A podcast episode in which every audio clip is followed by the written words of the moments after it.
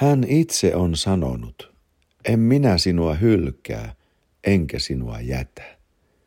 Näin hebrealaiskirjan 13. luku kertoo meille. Jeesus Kristus on meidän kanssamme joka päivä. Vielä Jeesus vakuuttaa meitä ja sanoo, en minä jätä teitä orvoiksi. Minä olen teidän kanssanne joka päivä, Jeesus vielä vakuuttaa. On monia asioita, joista voimme ja itsekin voin iloita, mitä kaikkea hyvää on tapahtunut omassa elämässä, mitä kaikkea hyvää Jumala on tehnyt, kuinka hän on pitänyt huolta ja ollut uskollinen anteeksi antamuksessaan ja lohduttanut verensä voimalla ja ylläpitänyt pelastusta ja pyhittänyt minua ja täyttänyt ruumiin, sielun ja hengen tarpeita ja perheen tarpeita. Yksinkertaisesti pitänyt huolta siitä, että elämässä on mitä tarvitsemme ja jumalisuudessa, jumalasuhteessa on mitä tarvitsemme. Tämä on aivan valtava.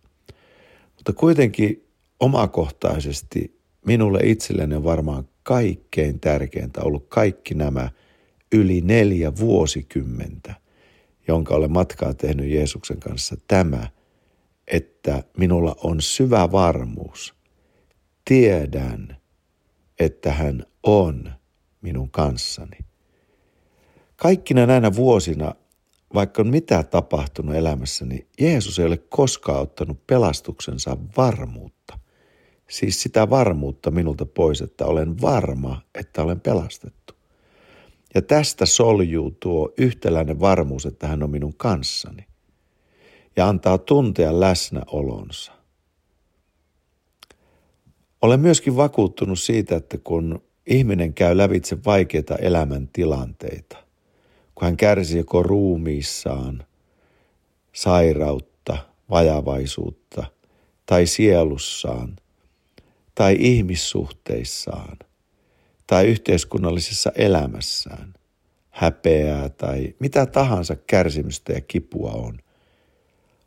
Olen vakuuttunut siitä, että suurin lohdutus ei tule siitä, että saisi tietää, mistä tämä johtuu, mikä tässä on syynä, vaan suurin lohdutus tulee siitä varmuudesta, että joku on minun kanssani, eikä ole hyljännyt eikä jättänyt minua. Minua ei ole jätetty yksin, avuttomaksi, orvoksi. Tämä on se suuri lohdutus, kun Jumala kommunikoi henkensä voimalla, että hän on minun kanssani. Muistan vuosia sitten, ei tällä omalla paikkakunnallamme, vaan yhdellä toisella paikkakunnalla, eräs henkilö tuli luokseni ja oli kovasti pettynyt Jumalaan ja elämäntilanteeseensa ja seurakuntaankin. Ja yhtäkkiä ilmestyksen omaisesti tajusin ja kerroin heti hänelle, mitä ymmärsi, aivan kuin ilmestyksen omaisesti. Minä sanoin hänelle, mietin nyt, mitä olet tekemässä. Meinaatko, että nyt hylkäät tuon ainoan olennon ja persoonan, joka voi tulla sinun sisällesi ymmärtämään sinua. Tuo ainoa, joka voi sinun nahkasi alla, sinun sydämessäsi ymmärtää sinua. Jumala. Tuo ainoa, joka voi tulla näin syvälle sinua, hänetkö nyt meinaat hyljätä? Ei suinkaan. Vaikka kaikki muu katoaisi, mutta älköön hän poistuko sinun elämästäsi, joka ainoana voi todella ymmärtää – mitä käyt läpi.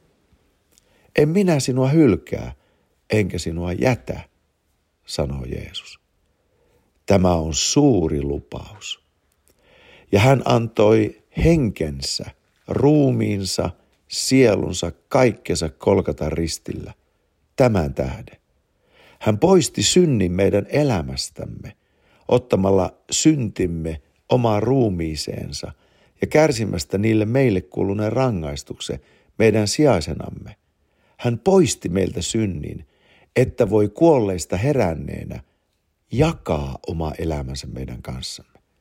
Hän kuoli meidän puolestamme otti pois rangaistuksen meidän päältämme ja antoi sen siirtyä Jumalan siirtämänä hänen päällensä, että meillä rauha olisi hänen rauhansa, että hän voisi elää meissä ja olla meidän sydämessämme ja sisimmässämme.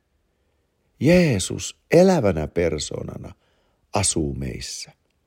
Hän on mahdotonta, että hän hylkäisi meidät, jättäisi meidät, kääntäisi selkänsä meille. Hän asuu meissä, on jatkuvasti meidän kanssamme, meidän oikealla puolellamme. Kun me horjumme, hän tukee meitä. Kun me epäröimme, hän lahjoittaa uskoa meihin. Kun meitä pelottaa, hän antaa rakkautensa turvaksemme. Jeesus elää meissä. Hän kuoli, että voisi tulla meihin asumaan.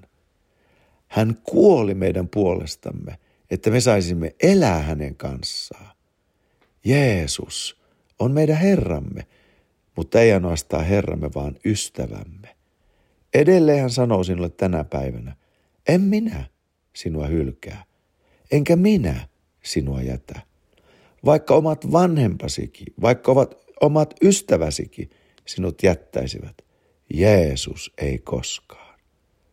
Siksi on suuremmoista turvata häneen tänäkin päivänä.